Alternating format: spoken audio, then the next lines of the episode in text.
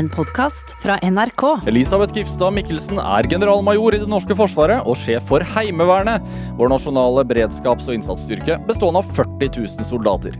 Mikkelsen har studert ved US Army War College i USA og tjenestegjort både i Irak og Afghanistan, der hennes oppgave bl.a. var å desarmere og rydde bomber.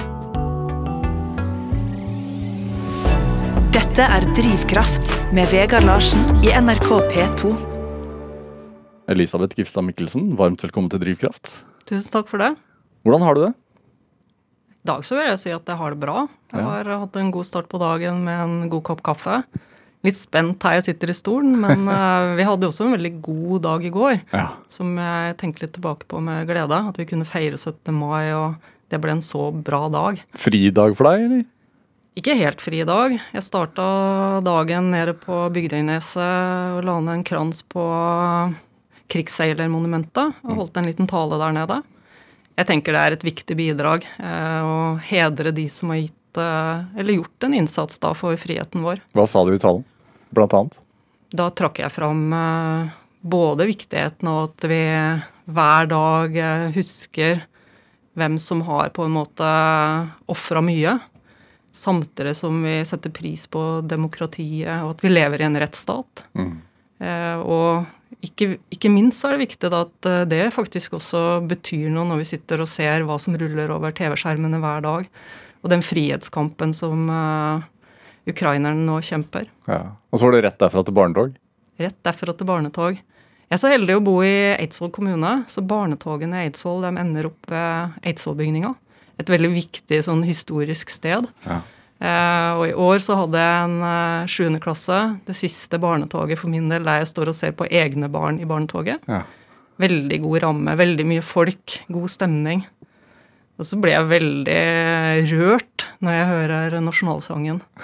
Eh, en veldig god dag, Ja. som jeg også brukte til å løpe litt i skogen og lete etter O-poster og grille med familien ja, etterpå. etterpå. Siste året med barnetog. Mm, siste året med barnetog. Hvordan er det?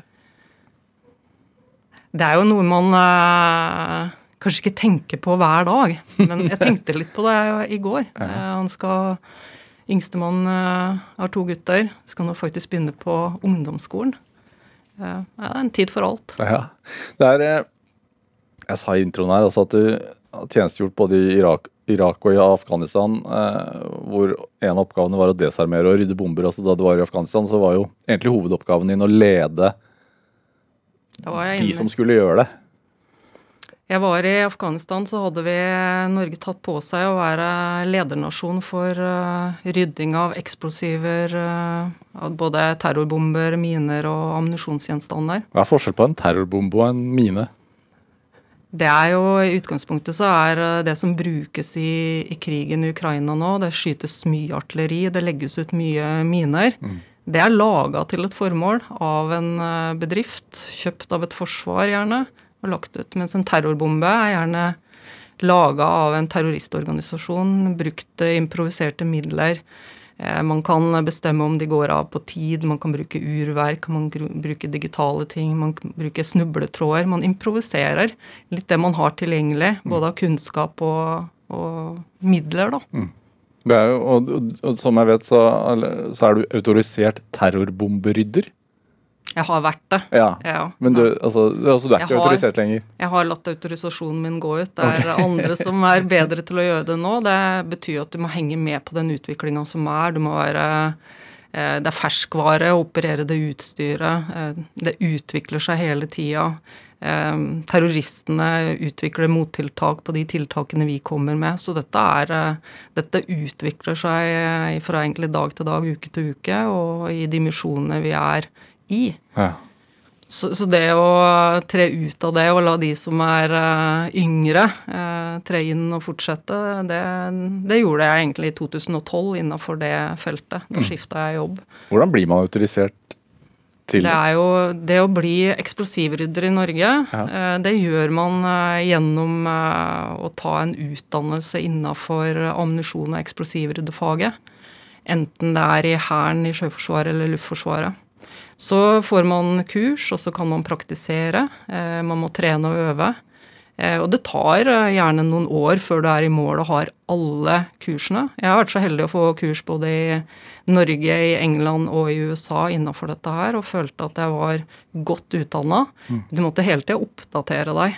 Eh, og spesielt i den tida vi drev i Afghanistan, så var det mye som skjedde med at terroristene utvikla sine metoder, og vi måtte komme med mottiltak. Mm. Eh, måtte sørge for at de folkene vi sendte ned dit, var godt rusta til det de skulle møte, eller kunne møte. Er det Men du har desarmert eh, bomber mm. som, som, ligger ute? Det har jeg gjort. Hvordan? Mange. Mange. Man, man gjør jo dette i, hver dag i i sommerhalvåret i Norge. Eh, den ammunisjonen man skyter, den virker ikke alle sammen på. og Da blir det noe som kalles blindgjengere. Mm. Og da går man mangar i skytefeltet og finner de og sprenger de.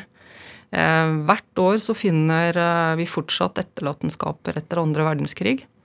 Det dukker opp gjerne i vårløsninga, telehiv, eller når folk rydder loftene etter eh, folk som har gått eh, ut av tida, da. Som ønsker å spare på ting for a rainy day. Håndgranater, sprengstoff. Så det, og det har jeg gjort i mange år. Reist rundt og løst sånne type oppdrag. Vi har ca. 350-400 oppdrag i Norge over ting som dukker opp der det ikke skulle ha vært. Oi. Hvert men, år. Men sånn som altså, du, du tok jo en Skisserte jo at det er en ganske god utdannelse. altså At man må kunne dette her til fingerspissene når man gjør det. og at uh, Siden det er såpass lenge siden du har gjort det nå, så er det ikke autorisert lenger. og sånne ting, Men det å skolere seg til å desarmere bomber, eller terrorbomber, da, som jo kanskje ikke ligner på alt man har sett fra før, og sånne ting, er jo én ting. altså Det å trene på det.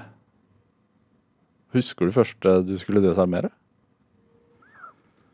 Jeg husker det første oppdraget jeg var i Norge. Uh, og det var ikke en uh, terrorbombe, men man trodde at det kunne være det. Ja. Uh, og det er klart, det du gjør da, det er jo å snakke med politiet som anmoder om bistand. Hva var dette her, da?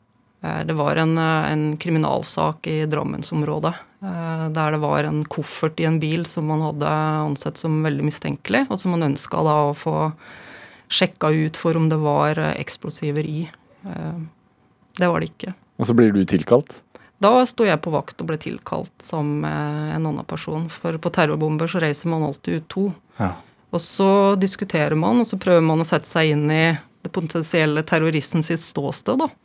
Hva er det som har gjort at uh, dette er en mistenkelig situasjon? Hva er bakgrunnen? Det er det første man skal man, man, tenke? Man, man, jobber systematisk gjennom en spørsmålsliste. Man samarbeider med politiet som eier eier saken i Norge. Ja. Eh, og så snakker man med vitner og får en bedre og bedre forståelse. Og så er det jo spørsmålet om dette er tidskritisk. Er det Jeg har ikke vært på en bombe i Norge der man har eh, fått et gitt tidspunkt der det skal gå av. Eh, og det er klart, da jobber man også under tidspress for å få desarmert det som potensielt kan være en bombe.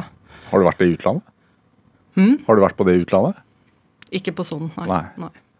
Eh, når vi nå ser tilbake i nasjonal eh, kontekst, så er jo 22.07 en veldig spesiell eh, situasjon i Norge. Mm.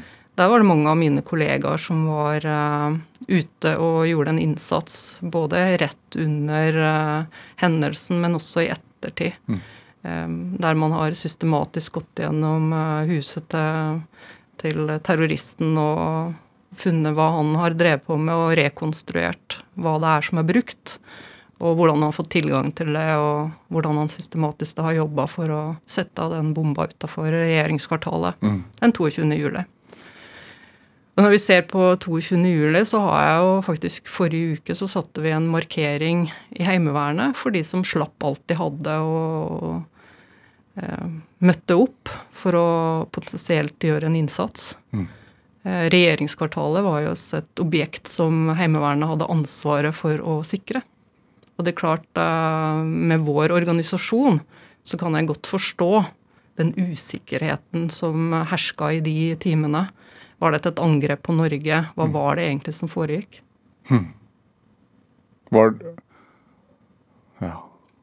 Hva, hva, hva, hvordan var den markeringen, da? Markeringa, da hadde vi eh, kalt på de som eh, ønska, og som vi fant ut hadde vært involvert i 22.07. Ja, for da var det sånn at de bare møtte opp? De møtte opp på Akershus festning. Så hadde vi en oppstilling.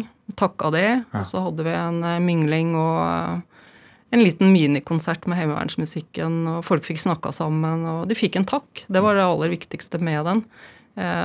Vi tok igjen litt av det som, som vi mente var viktig, å anerkjenne den innsatsen de gjorde. Eh, og så hadde vi kommet fram til at det hadde ikke vært gjort eh, tidligere. I dialogen med de som har vært involvert, så fant vi ut at da var det på tide. Dette er Drivkraft med Vegard Larsen i NRK P2. Og i dag er eh, sjef for Heimevernet Elisabeth Gifstad Mikkelsen her hos meg i Drivkraft med NRK P2. Altså, jeg er litt mer nysgjerrig på den første bomba som møtte deg i den bilen i Norge, som dere trodde var, eller mistenkte kanskje var en bombe. En terrorbombe. Hva, hvilke tanker har du gjort? Altså, jeg, jeg bare ser på meg selv som Hvis jeg da hadde hatt som oppdrag og du skal desarmere noe som er laget for å gå i lufta, og for å skade noen. Og så er din jobb da å gå bort til det. Og gjøre så det ikke går i lufta. Hva, hva for noen tanker har man gjort seg på forhånd? da? Jeg tenker at det du eh, bør stå trygt på, det er jo din egen kompetanse eh, og din egen eh, innsikt i, i hvordan du tilnærmer deg sånne utfordringer. Det første vi gjør da, det er jo egentlig å få oversikt over hvor stor er bomba, hvor står den, og gi råd om evakuering. Sånn at alle andre er evakuert fra stedet. Og så har du jo verktøy i verktøykassa. Og så er det litt sånn hva er hva er utfordringa der den står? Er det noen uh, viktig infrastruktur som kan bli ødelagt for uh, evig tid hvis denne bomba går av? Uh, og så vurderer du hele tida risikoen. Mm. Fordi du ønsker i utgangspunktet ikke å nærme deg den hvis du kan bruke andre hjelpemidler. Nei, så Og- Det er veldig menneskelig å ikke ønske å gå bort en bombe. ja, sant. Men, men samtidig så er det jo litt av det jeg har uh, følt har vært meningsfullt. da, For du kan noe eh, som du kan bruke da, til å gjøre en forskjell i en situasjon som er krevende. Eh, og det å øve og trene på det har vi hatt mange gode runder på. Eh, vi setter øvelser, vi, vi har bygd eh, terrorbomber til hverandre, vi setter caser. Forsøker å få trent på dette i trygge omgivelser. Men samtidig så er jo kanskje eh, I dag så er det veldig mye snakk om roboter. Eh, roboter har vært eh, et hjelpemiddel i rydding av terrorbomber i mange tiår. Det ble kjøpt nye roboter til OL i 94. Eh, og etter det så har utviklinga vært formidabel. Så det å kunne sende fram noen som kan være dine øyne og øre, også, også våpen på stedet, er jo et preferert valg. Eh, må du gå fram manuelt, eh, så er det jo bombedrakt som er det du fortrinnsvis tar på deg, med, med en formidabel pansring hele veien. Så du beskytter deg, du vurderer risikoen, og du gjør handling ut ifra din situasjonsforståelse. Eh, Og når du er trent på det, så føles det egentlig veldig meningsfylt. Og jeg følte meg aldri redd, for jeg følte meg trygg på at det vi gjorde, var de riktige skrittene. Hvorfor meningsfullt? Fordi du får eh, satt en situasjon tilbake til normalen. Fordi du får fjerna noe som potensielt kan være farlig for andre.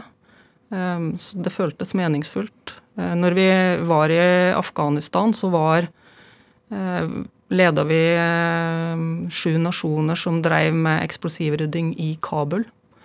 Eh, det å gjøre det trygt for de som skal ut og gjøre et oppdrag, eh, det å bidra til eh, ja, bevegelsesfrihet, Mm. var jo en viktig del av dette her.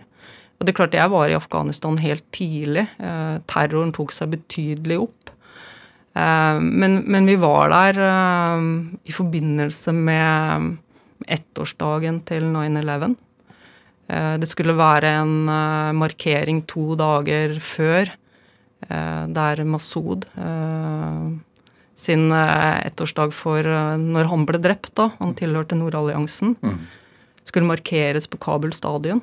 Eh, Og vi skulle søke av og sikre og stå for sikkerheten på Kabul stadion den dagen. Det er svært. Det var, det var svært, og det var en oppgave som jeg var en, en brikke i, da. Sammen med veldig mange dyktige eksplosivryddere og veldig mange andre i Kabul multinasjonale brigade. Men det er klart, det er jo en, en situasjon der uh, terroren uh, åpenbart uh, var nær, og konsekvensene kunne være store. Hvordan vil du beskrive dine egne nerver? De vil jeg egentlig beskrive som gode. jeg er jo rolig som person. Jeg, er, jeg prøver å være gjennomtenkt. Jeg prøver å føle meg trygg på at eh, det jeg gjør, det kan jeg. Jeg ønsker ikke å ta unødvendig risiko. Eh, Men må du ta risiko, så må du vite hva risikoen er, og klare å forholde deg til den. Være litt bevisst. Det at du øh, I Afghanistan her så sier du at du var en del av en brikke, eller altså et, et større lag, da. En av mange. Mm. Nå som du er sjef, hvordan er det? Jeg er fortsatt en del av et større helhet. Ja, like, Ja. Tenker du på det sånn, som Ja. Forsvaret? Altså, Det tenker jeg. Er det en fin ting? Det er en fin ting, tenker jeg. Hvorfor det? Altså, som sjef for Heimevernet, så er Heimevernet mitt ansvar. Men eh, jeg er en av flere styrkesjefer. Eh, Forsvarssjefen er min sjef. Jeg er i forsvarssektoren. Totalforsvaret er viktig for Norge. Heimevernet er viktig for totalforsvaret. Så jeg tenker hele tida vi er en del av en helhet. eh, Og det er viktig å forstå din plass i helheten. Skal du kunne gjøre en best mulig jobb. Det er jeg egentlig veldig bevisst.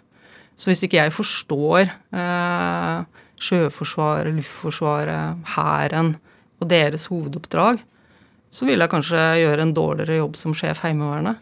For da driver jeg med mitt eh, og min vei. Ja. Så vi er en del av en helhet. Forsvaret av Norge er eh, Forsvaret sin jobb, det er totalforsvaret, den norske befolkninga. Hvordan er samarbeidet? Hvordan, hvordan fungerer totalforsvaret? Totalforsvaret er jo en, eh, en viktig del som egentlig ble stadfesta under andre verdenskrig og var en metode som Norge valgte å gå for. Hva vil det si, egentlig?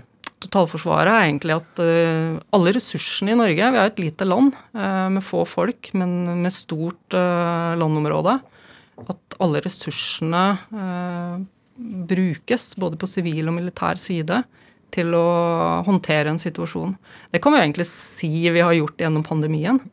Eh, når ressursene på sivil side, eksempelvis eh, politiet, eh, ikke var store nok, så ba de om bistand fra Heimevernet. F.eks. ved grensene. F.eks. ved grensene. Og, og da hadde vi en formidabel jobb som ble gjort av heimevernssoldatene. De ble jo trukket ut av sin primærjobb, eh, satt på grensa og gjorde en viktig jobb for Norge. Um, og, og når vi da ser på egentlig Heimevernet sin rolle, så tenker jeg at det er viktig også å huske på at Heimevernet er egentlig født i samme tida som totalforsvarstankegangen i Norge. Eh, Og, og i 6. desember eh, 2021 så fe- feira vi eh, 75-årsdagen vår. Mm. Det feira vi med at jeg oppfordrer alle som er i Heimevernet, til å ta uniformen på, på sin primære jobb.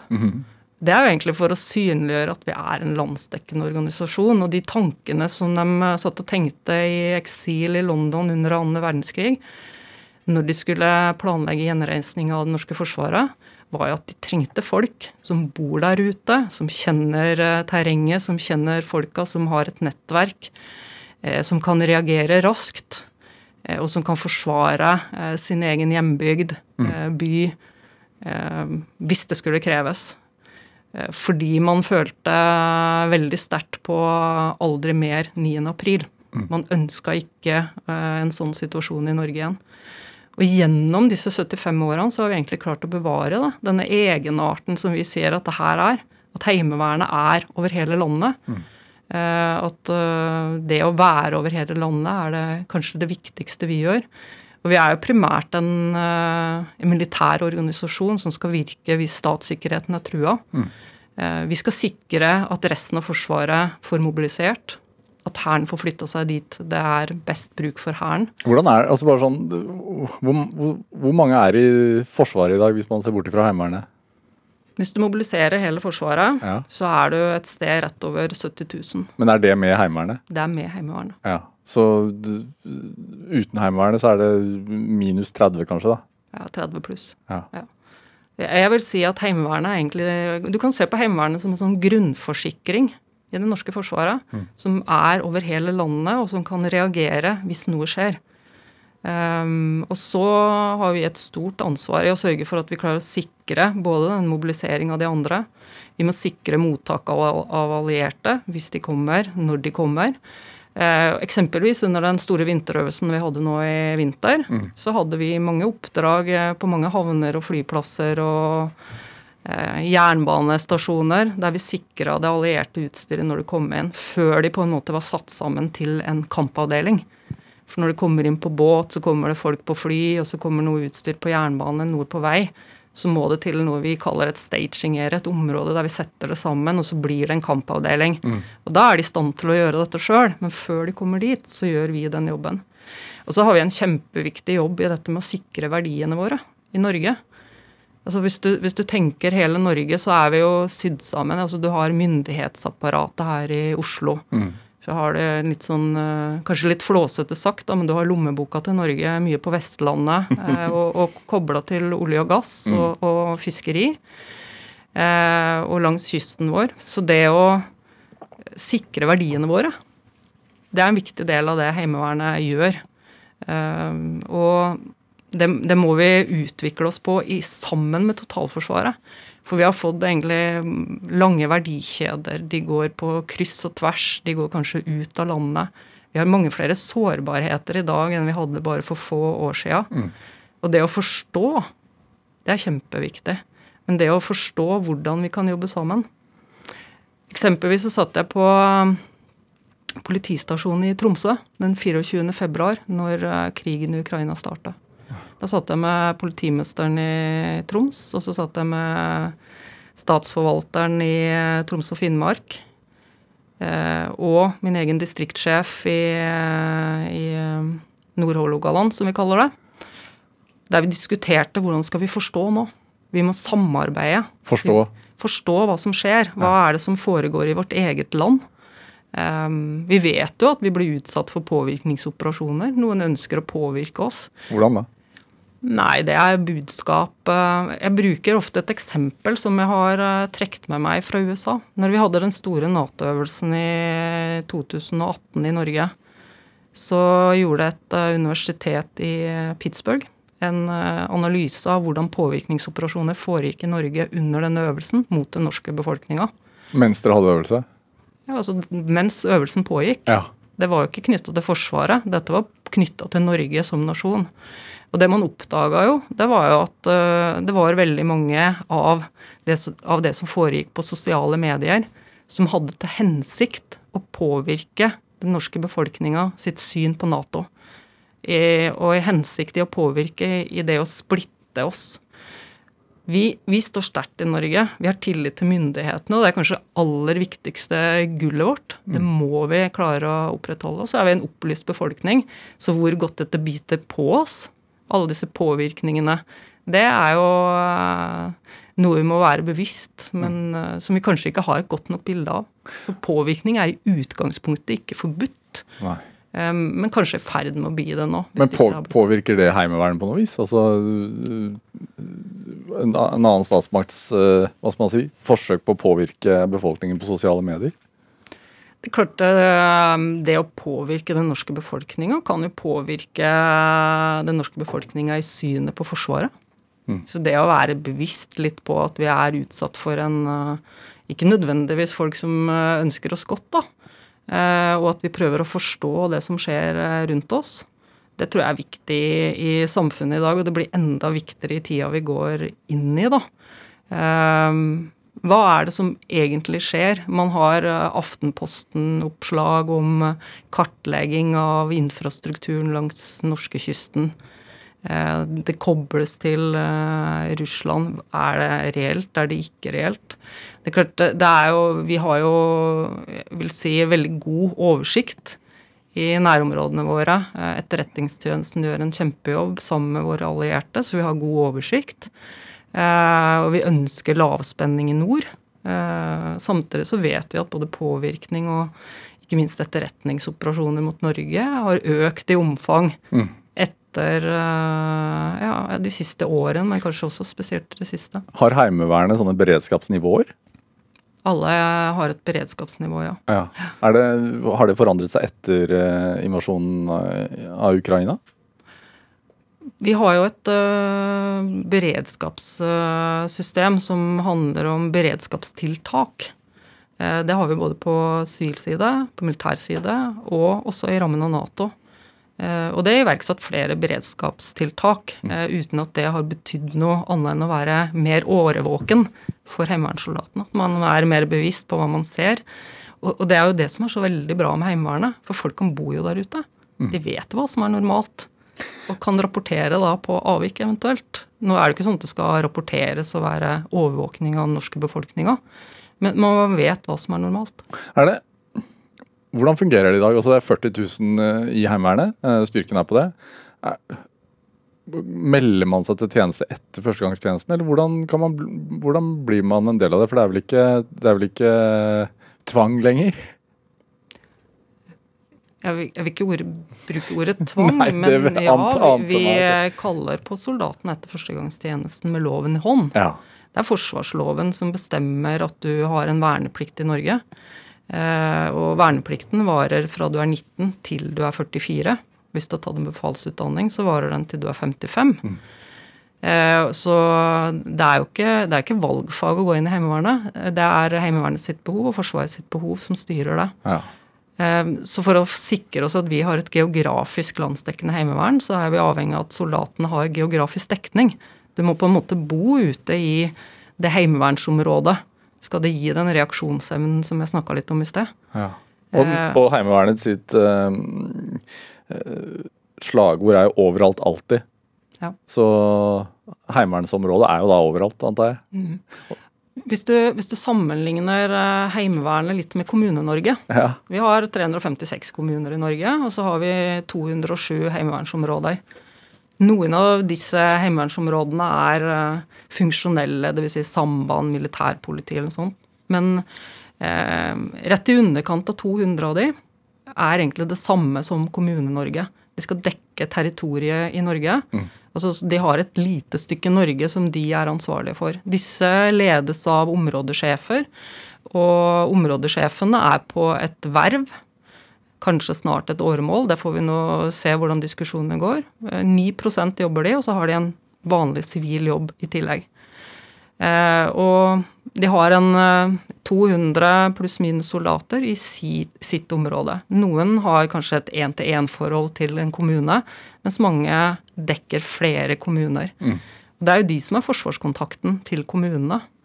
Um, og hvis du tenker tilbake på Gjerdrum, den første som møtte der Og så eh, leirskredet i Gjerdrum. Leirskredet i Gjerdrum. Den første som møtte der, var jo egentlig eh, områdesjefen for Gjerdrum og Nannestad. Ja. Eh, og så kalte vi På på eget systemet. initiativ, eller hadde han fått beskjed av dere da? Systemet kalte, kalte på folk, men det er klart på eget initiativ så var han forsvarskontakten. Ja. Eh, Så Rune Meyer reiste raskt til, eh, til Gjerdrum og, og fikk linka opp med kommunen. Og det er klart det er viktig. Jeg tenker at uh, dette er liksom totalforsvaret i praksis. Det vi kan si om Gjerdrum og Leirskredet der, er jo historien om ressursene som fant hverandre. Det var formidabelt med ressurser. Uh, og man falt, fant alle sin plass. Vi var jo i en bistand, også her til politiet. Uh, men, men det å koordinere uh, Forsvaret sin støtte på bakken er også Heimevernet sin rolle i den territorielle delen her. Der eh, vi kommer inn med mye av det som ligger i verktøykassa til Forsvaret, som kan være relevant å bruke. Men i stedet for at alle skal gå på politiet, så setter vi det sammen i en sånn koordinerings-samvirkecelle, og så styrer vi det inn. Så, så ressursene finner hverandre eh, på en veldig god måte. Og denne lokalkunnskapen, det at man har møttes, og det at man har dette systemet, er kjempeviktig. Disse 40 000 soldatene, vi sier at det er jo ikke valgfag. Du, du blir kalt på. Men eh, Øvelse en gang i året ca.? vi har eh, noe som kalles årlig trening. Ni dager? Eh, For mannskapene våre som har verneplikten til 44, så er det seks dager vi kan trene de.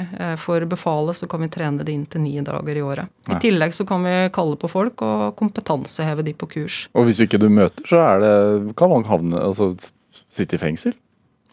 Da er det disiplinært, ja. Ja. ja. Fordi det er jo viktig at vi har en, eh, et system der eh, med, med verneplikten og vernepliktsloven i bånn, og forsvarsloven, at vi har et system som virker. Det som er kjempeviktig da, og som jeg tenker eh, blir enda viktigere fremover, det er jo at arbeidsgiverne faktisk forstår sitt ansvar oppi dette her. At de må slippe arbeidsgiverne med en klapp på skuldra og si at dette er viktig for Norge, så da er det også viktig for meg. Og sånn er det ikke alle arbeidsgivere som gjør i dag. Så noen føler litt sånn eh, Det er vanskelig å si at nå har jeg fått innkalling til Heimevernet igjen, nå må jeg dra på øvelse. Eh, og så blir de på en måte litt sånn klandra for det, og de kan ikke klandres. Dette er noe Norge har valgt, så det å på en måte forstå sitt ansvar, det tror jeg er kjempeviktig at arbeidsgiverne gjør. Og veldig mange gjør det, men noen gjør det, heller, gjør det ikke. Hvordan vil du beskrive din nasjonalfølelse? Jeg har en, en eh, egentlig en stor nasjonalfølelse. Jeg kan egentlig trekke fram hva som skjer når jeg står og ser flagget heises og hører nasjonalsangen. Jeg får alltid en klump i, i halsen og blir litt rørt. Eh, og jeg, jeg, jeg husker disse, disse 17. maiene der vi skulle ha stått hjemme og synge alle til denne nasjonalsangen samtidig. Når vi ikke, Da, da du vokste opp? nei, Nei. under pandemien. Ja. Det er på samme tid så skal alle stå og så synge. Da ble jeg litt rørt, og da får jeg litt sånn nesten tårer i øynene. For jeg er veldig, jeg er veldig stolt av hva vi står for i Norge, for verdiene våre. At vi har et demokrati, at det er lov til å mene det du vil, være den du ønsker. At vi har en rettsstat i bunnen der, der du på en måte kan forvente en, en rettferdig behandling. Eh, og alt dette syns jeg er veldig viktig å bevare og, og kjempe for. Og, det- og det å få lov til å være en del av Norges beredskap, eh, kunne, kunne gjøre en forskjell eh, med flagget på armen, det syns jeg er viktig. Altså, du føler at du er en del av noe større enn deg sjøl når du jobber i Forsvaret. Man blir jo trent til å tenke sånn, gjør man ikke det? Er ikke det Er ikke det del av rekrutten? Kanskje man blir trent. Jeg vet, jeg vet ikke helt uh, om jeg ville ha gitt det sam, samme svaret for 20 år siden. Man blir jo mer moden etter hvert, og man reflekterer mye. Man blir mer bevisst. Eh, men jeg har alltid vært stolt av det å jobbe i Forsvaret. Jeg har alltid syntes at det har vært eh, viktig. Elisabeth eh, Giftad Mikkelsen, vi skal spille litt musikk. Du har med en Four Non Blondes-låt. Hvor- hvor- Hvorfor det? Ja. Når jeg ble utfordra på hva slags sang jeg ville skulle høre her, så tenkte jeg da får jeg være litt ærlig, så får jeg gå inn i spillelisten min og si hva jeg har spilt mest gjennom de siste ti årene. og så kommer denne sangen opp, og det er en sang som jeg liker veldig godt. Første gang jeg hørte den, eh, var når jeg var på befalsmessa oppe i Bardufoss i 93. Så den har egentlig fulgt meg i, i 30 år. Jeg bruker den fortsatt eh, ofte når jeg trener, eller når jeg skal kose meg. Og så har jeg prøvd å lære å spille gitar til den. Det har funka dårlig. Jeg har aldri blitt noen god gitarspiller. Men de tre viktigste grepene som eh, flyr i denne sangen, de kan jeg. Skal vi høre? Ja.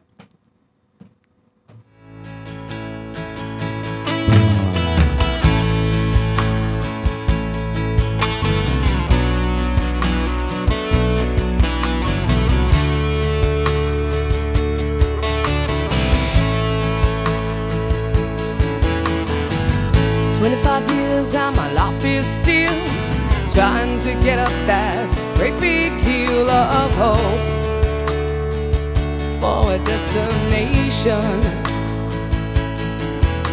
I realized quickly when I knew I should that the world was made up of this brotherhood of man. For whatever that means. Into a crisis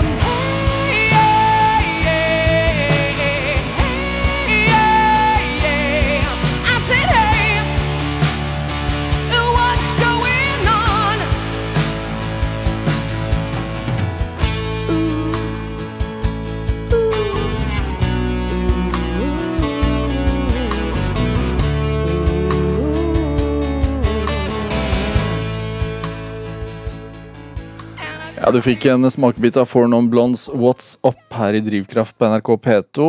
Fordi at dette er favorittlåten til dagens gjest her i Drivkraft, nemlig sjef for Heimevernet Elisabeth Gifstad Mikkelsen. Hvis, du tenker tilbake til eh, hvem du en gang var i tida, var det helt naturlig for deg at det skulle bli Forsvaret? Det var det nok uh, egentlig ikke. Jeg vil jo si at det er litt tilfeldig. Jeg har eh, Dialekten min eh, stemmer ikke med hvor jeg har vokst opp. Jeg har vokst opp på Storforshei, eh, rett sør for Polarsirkelen. Eh, et gruvesamfunn der jeg bodde til jeg var 16 år. Og så flytta vi. Hvem jobba i gruva? Det var far min. Ja. Ja. Han tok etterutdanning, og så flytta vi til et sted der han fikk jobb når jeg var ferdig med grunnskolen. Um, og så um, har jeg nok eh, alltid likt det Forsvaret står for. Jeg har alltid likt dette med ledelse. Men jeg valgte å bli eh, maskiningeniør. Jeg gikk på Gjøvik i tre år og tok en utdannelse. Men i klassen min så hadde jeg også to stykker som gikk på Forsvarets regning eh, på akkurat den utdannelsen. Og i 1992 når jeg gikk ut, så var det dårlig arbeidsmarked. Eh, Da var det egentlig De oppfordra meg til å søke befalsskolen. Jeg søkte befalsskolen, og siden har jeg ikke kommet meg ut av Forsvaret. For jeg liktes veldig godt. Hvem oppfordra deg til det? De som gikk i klassen min, som, hadde, som gikk på Forsvarets regning, da. Ja. eh, De to som var knytta til Forsvaret. Så når jeg søkte befalsskolen eh, sommeren 1992, så var det jo en eh, det var en stor overgang å gå fra student til seks ukers aspirantperiode i, i og når jeg eh, gikk inn der, så var jeg jo veldig oppsatt på å klare det. Det var ingen tvil om at det var tøft, men viljen var der. Så jeg kom meg gjennom det, kom inn på befalsskolen, og siden har det egentlig vært Forsvaret for meg. Det er jo altså øh, Du har skrevet noen øh, skrevet en kronikk om, om kvinnekultur og kvinnefiendtlig kultur i Forsvaret. Eh, hvordan var det da du gikk på befalsskole? Jeg starta befalsskolen i 1992. eh, Og det er klart, hvis du ser tilbake det, på 30 år, så har jo egentlig samfunnet utvikla seg betydelig. Eh, Så det vil jeg ikke si bare er Forsvaret, men, men samfunnet som helhet. Hvor mange damer var, gikk du sammen med? Vi var to stykker av 21 på befalsskolekullet. Eh, Jeg har nok alltid vært en av få der jeg har eh, vært. Men jeg har alltid følt meg eh, inkludert og der av de riktige grunnene. Eh, Og det har vært litt eh, viktig for meg. Samtidig så tror jeg nok at jeg savner kanskje ikke den kulturen vi hadde i Forsvaret på 90-tallet, knytta til fokus på ja, Man hadde et helt annet fokus på kjønn. Kvinner var jo ofte kanskje mer et objekt når man, når man eh, så på det for mange. Eh, men jeg, jeg følte følte egentlig det var kanskje noe man bare måtte tåle. At det ble plystra etter, at det ble kommentert på kroppen din. Eh, mye mer enn det er akseptabelt i dag, og det tror jeg er bra. Mm. det at man hadde uniformer som du ikke følte deg helt vel i. Det, det har også vært sånne ting som jeg har tenkt tilbake på. Det hadde kanskje ikke trengt å vært sånn.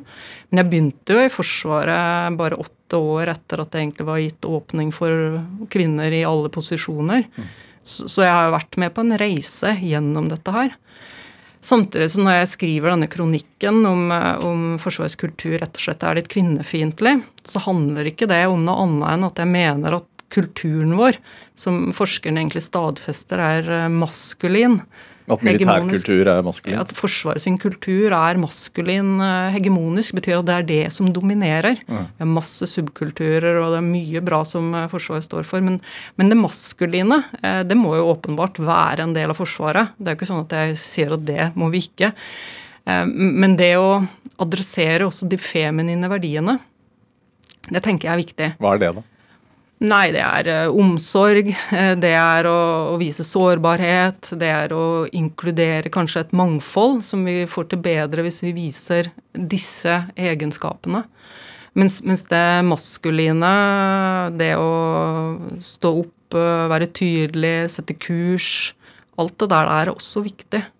Um, vi har, nok, vi har nok kanskje hatt overvekt på det. Samtidig så vil jeg jo si at mange av de dyktige lederne i Forsvaret viser begge deler. Eh, og, og når du tenker eh, litt på det som Kompani Lauritzen har eh, fått fram også, så viser man jo veldig mye omsorg i det å være sammen. Men, men det at vi er hegemonisk maskulin, betyr at du får noen sånne preferanser på hva du velger. Eh, Hva, hva betyr det?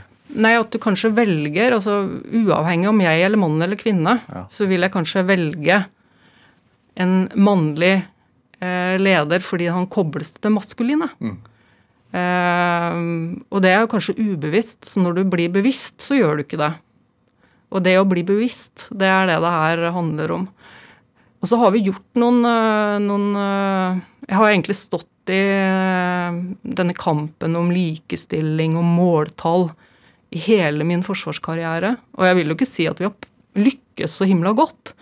Eh, Vi sliter fortsatt med de samme tingene. Det har vært utredninger og masse tiltak som skulle bedre på dette her.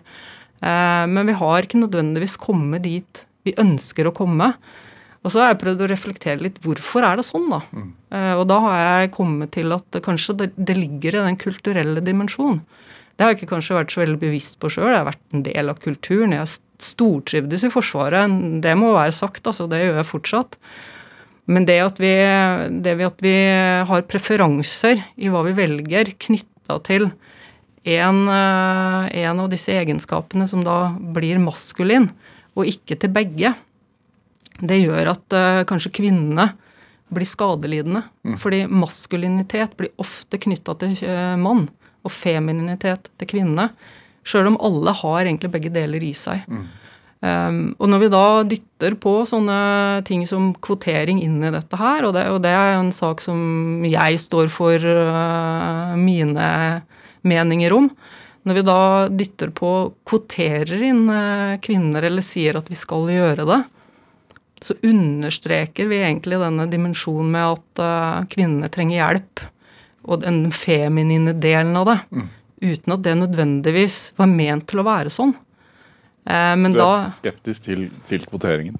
jeg personlig er skeptisk til kvotering. Jeg mener at vi kan få dyktige ledere ved å gjøre en seleksjon. seleksjon. Vi kan selektere inn kvinner der vi ønsker det. Bare å endre ordbruken vil bedre hva vi faktisk gjør.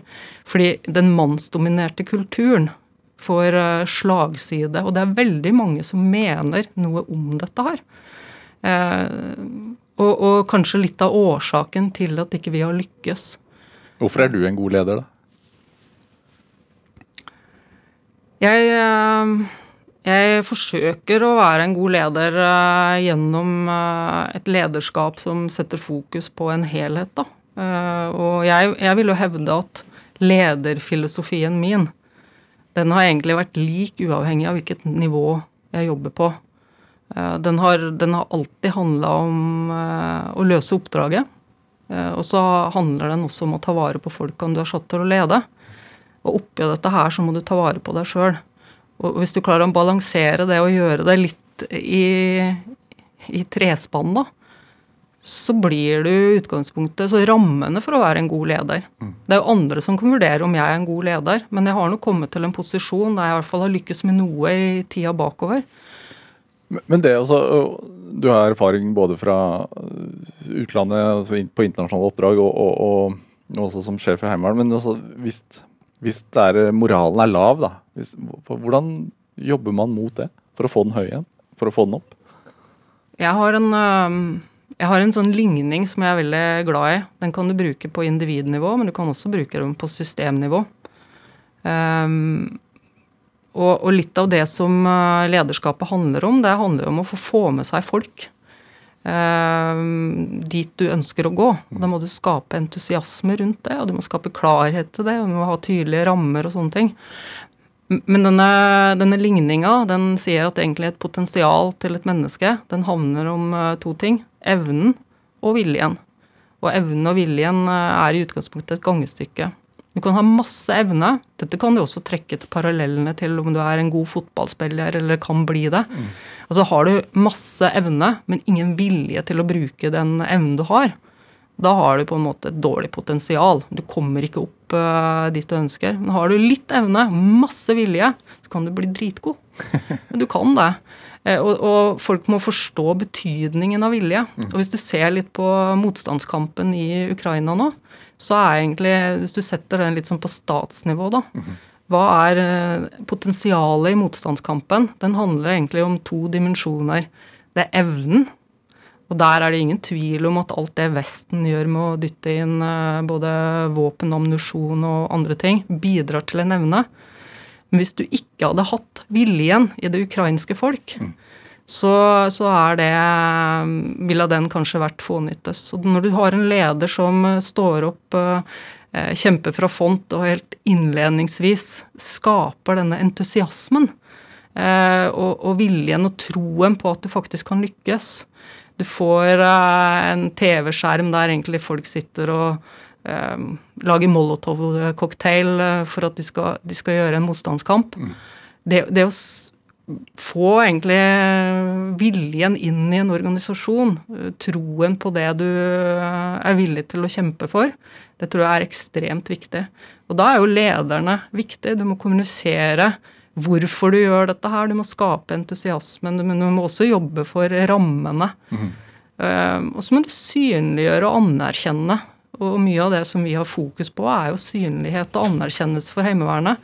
Det at heimevernssoldaten vanligvis har en helt normal sivil jobb og trekker uniform én gang i året, gjør jo at folk ikke er så veldig bevisst på oss i hverdagen. Vi har noen få hundre, drøye 500, som jobber med denne beredskapsorganisasjonen, som sørger for at systemet virker. Um, men alle må ha troa på det. Jeg vet dere skal ha sånn uh, uniform på jobb en dag i, i desember eller noe sånt? Ja, Ja. Den, øh, den første gangen vi gjorde det, var for øh, drøye to år siden. Da slo jeg meg sammen med den svenske heimevernssjefen, og så hadde de starta noen år øh, tidligere med uniform på jobben-dagen, der alle kunne trekke uniform på sin øh, primærarbeidsplass. Da gjorde vi det 4. desember i 21, så gjorde vi det 6. desember på bursdagen vår. Og så har jeg tenkt at det må bli en tradisjon der folk trekker i uniform etter eget fri vilje, godkjent av arbeidsgiveren, men på sin arbeidsplass. Og vi fikk alltid alt fra lærere, ordførere, eh, alle typer yrker som kledde på seg uniformen, og gjennom bare det kraftfulle tiltaket der, som ikke kosta noen ting, så fikk de satt forsvarssaken på agendaen. De fikk synliggjort at vi hadde et landsdekkende heimevern, et landsdekkende forsvar. Og man fikk egentlig diskutert forsvarssaken rundt eh, kjøkkenbordet. Og det tror jeg er viktig. Eh, I dag så er det jo bare drøye 10 000 av hvert årskull på 60 000 som gjør verneplikten. Eh, Og at folk forstår hvorfor vi har et forsvar. At vi har et forsvar som er defensivt. Vi er ikke et angrepsforsvar. Vi skal forsvare Norge. Det er vårt viktigste oppdrag. Bare at vi er her, er liksom det vi ønsker å ha, ha fokus på. Har, altså Du snakker om Ukraina og, og viljen som man ser der. Har, har eh, den situasjonen Altså Hvordan har den situasjonen påvirket ditt syn på Heimevernet? Den har påvirka den i form av at den har egentlig stadfesta at, stadfesta at det vi står for, det er viktig for Norge. Det, det, det som motstandskampen under andre verdenskrig, andre verdenskrig fant ut av, da, var jo at vi trengte denne landsdekkende muskelen. Gutta på skauen. Gutta på skauen. Og vi er jo en direkte arv etter Gutta på skauen. Milorg og Kompani Linge som slo seg sammen og ble en kraftfull organisasjon av folket for folket. Det er jo en, en, en viktig stadfesting som egentlig man har sett gjennom Ukraina-krisen, eh, som vil være viktig. Det er også som har fått en fornya betydning. For knytta til, eh, til Heimevernet så har vi noe som heter Landsrådet for Heimevernet. Det er også en arv fra andre verdenskrig. Det var de sivile organisasjonene som var knytta inn mot Forsvaret fordi de hadde en eh, viktig beredskapsfunksjon. Eh, De har eh, også, eh, jeg og mange eh, med, inklusive de organisasjonene, fått en fornya forståelse for viktigheten av. Der er lederen fra LO nestlederen er fra NHO. Vi har bondelag, fiskarlag. Vi har Det frivillige skyttervesenet. Masse av disse organisasjonene som er basert på frivillighet. da, Som står for noe, og som er viktig for Norge. Som, som egentlig kommer utapå totalforsvaret og de offentlige etatene. Det med, det med vilje, er det Har det vært noen ganger du har måttet gå i deg sjæl og så tenkt sånn Nei, nå må du nå, nå har du kunnskapen, Elisabeth, men nå må du gjøre noe med vilja di. Ja, det, det har man jo sikkert uh, ofte. I hvert fall så har Altså, jeg, eh, jeg tenker at uh, det handler litt om selvledelse. Selvdisiplin. Ja, Det er ikke like lett, det. Det er lettere å lede andre enn seg selv noen ganger, kanskje. Ja, av og til så kan jeg skrive under på det, fordi eh, ofte så går tida mi Jeg blir sånn altoppslukt av jobben, og jeg har en ekstrem ansvarsfølelse, men også ansvarsglede i den jobben jeg gjør. Um, men det å ha evne til å lede seg sjøl gjennom det å gjøre det som er viktig for deg sjøl, um, gjøre- kjenne litt på magefølelsen, balansere livet ditt, ta den tida til den timeouten, gjøre den treningsøkta, velge å spise riktig. Men også det å faktisk Nå må jeg fokusere litt på å utvikle meg. Eh, Det å liksom lese, reflektere. Hva betyr egentlig det her? Det, det, det prøver jeg å ha fokus på. Så den er eh, Er, er, så selv om Ja. du er del, en del av et ledd, er det viktig for deg også at du stiller spørsmålstegn til beskjeder du får ovenfra, f.eks.? Jeg tenker at uh, det som forsvarssjefen sier om lydighet og lojalitet, er en bra, bra refleksjon. Han ønsker jo egentlig at vi stiller spørsmål, at vi tør å utfordre, at vi tar dialogen. Men når beslutningen er fatta, så er vi lo- lojale. Og det tror jeg er eh, en ekstremt viktig del av et militært system. For vi, vi, vi er jo avhengig av at vi har en eh, kommando og kontroll, og at systemet vårt virker, og at ikke folk eh, på alle nivå finner ut at de har lyst til å gjøre det på den måten i stedet for den. Men prosessen fram til du bestemmer deg, der er det viktig at man har folk som tør å si ifra. Og hvis man, hvis man er ute på en vei som er ruklete, og det er mye risiko, og ingen tør å si ifra fordi sjefen har sagt, så vil det jo være skummelt. Men sånn som når, når dere har en Heimevernet består av 40 000, eh, en styrke på 40 000, og siden man har bare én øvelse i året, er det ikke så lett å, å holde moralen oppe til den gjengen da? Hvordan gjør man det? Tekstmeldinger i ny og ne? hvordan Områdesjefene våre gjør en formidabel innsats, og mange av de gir mye av seg sjøl for å ha dialog med, med sine soldater. Um, mange steder i Norge så er dette faktisk uh, gjenger som møtes utafor det de får betalt for eller må, fordi de uh, syns det er viktig, de trives sammen. Og det er jo litt av det, når du, når du blir innrullert som heimevernssoldat etter førstegangstjenesten, så kommer du inn i et lag. Det er folk eh, som er fra samme sted der du bor, det er forskjellig alderslag. Man har eh, tillit, man har eh, tilhørighet, man har samhold. Og det er en viktig del av, av det å ha troa på det du gjør, da. Så opplever at de som, som er en del av det, gleder seg litt til den øvelsen? Mange gjør det. Ja. De ser på det som en, en viktig milepæl. Og, og det er klart, den blir lettere å dra på også når arbeidsgiverne gir dem en klapp på skuldra og sier at nå drar du på noe som er viktig for Norge. Det er en diskusjon om eh, Heimevernet skal bli færre eller flere. Hva tenker du, da? Det viktigste for Heimevernet er at vi får det vi har til å virke enda bedre. Det er jo en av våre viktigste prioriteter. Eh, Det at vi har eh, våpen, ammunisjon nok, at vi har utrustning som er god nok, at vi har fullfinansiert de prosjektene som er starta på. Så har eh, forskningsinstituttet vårt, Forsvarets eh, forskningsinstitutt, de har eh, høsten 2021 gitt en anbefaling på en, altså forskningsbasert på hvordan Heimevernet kan utvikle seg. Og den er jo overlevert til Forsvarsdepartementet. Så, så hvorvidt vi skal bli større eller mindre, det er jo en politisk diskusjon. Det vi skal sørge for kommer inn i den diskusjonen, er de fagmilitære rådene. Eh, Hurdalsplattformen til sittende regjering har jo indikert en potensiell økning på 5000 i Heimevernet til 45 000. Det vi har gjort da, er å gi en militær anbefaling til departementet, og så får de ta stilling til den, eller så får det spilles mer ball, og så går man i en eller annen retning. Eh, Men at vi er et demokrati, og at vi lar eh, de som er folkevalgt sitte og bestemme, og at vi sørger for at de er opplyst med det vi mener er viktig, er jo det som gjør at det blir et godt samspill. Skulle du ønske at Heimevernet ble tilkalt oftere? hvis Heimevernet blir tilkalt, så er det jo gjerne en eller annen katastrofe. Ja. Eller en, en uh, tilstand som gjør at du har behov. Vi brukes ofte, vi brukes uh, ukentlig. Det har ikke medias interesse alltid, men vi er deltakere i redningsaksjoner og alt. Det at Heimevernet er en viktig del av Norges beredskap, også i fremtida, det tenker jeg er det viktigste svaret på det. Og vi er en viktig del av totalforsvaret, og totalforsvaret er viktig for Norge.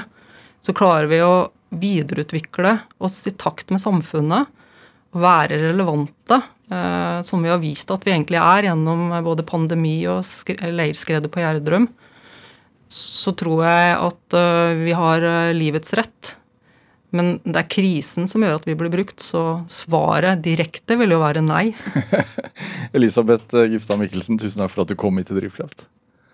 Hør eh, flere samtaler i Drivkraft på nrk.no eller i appen NRK Radio. Send oss gjerne ris og ros og tips til mennesker du mener har drivkraft. Send en e-posten til drivkraft.krøllalfa.nrk.no. Vi hører veldig gjerne fra deg. Produsent i dag var Ellen Foss Sørensen. George Ofori gjorde research, og Anne Sofie Stang bidro også til denne sendingen. Dette var Drivkraft. Jeg heter Vega Larsen. Vi høres. Du har hørt en podkast fra NRK. Hør flere podkaster og din NRK-kanal i appen NRK Radio. Ny podkast fra NRK P3. Jeg heter Silje Nordnes og har hatt kjærlighetssorg. Masse. Ja, du vil snakke om kjærlighetssorg, Ja. og hva som skjer når vi har det. ekstremt intens eh, opplevelse. Noe av det mest intense følelsesmessige man kan oppleve som menneske. Jeg skal helt ærlig si at det var fysisk vondt i hjertet. Hvorfor er det så jævlig kjipt? Og kan jeg, og vi alle, få trua på kjærligheten igjen? Kjærlighetssorg hører du først i appen NRK Radio.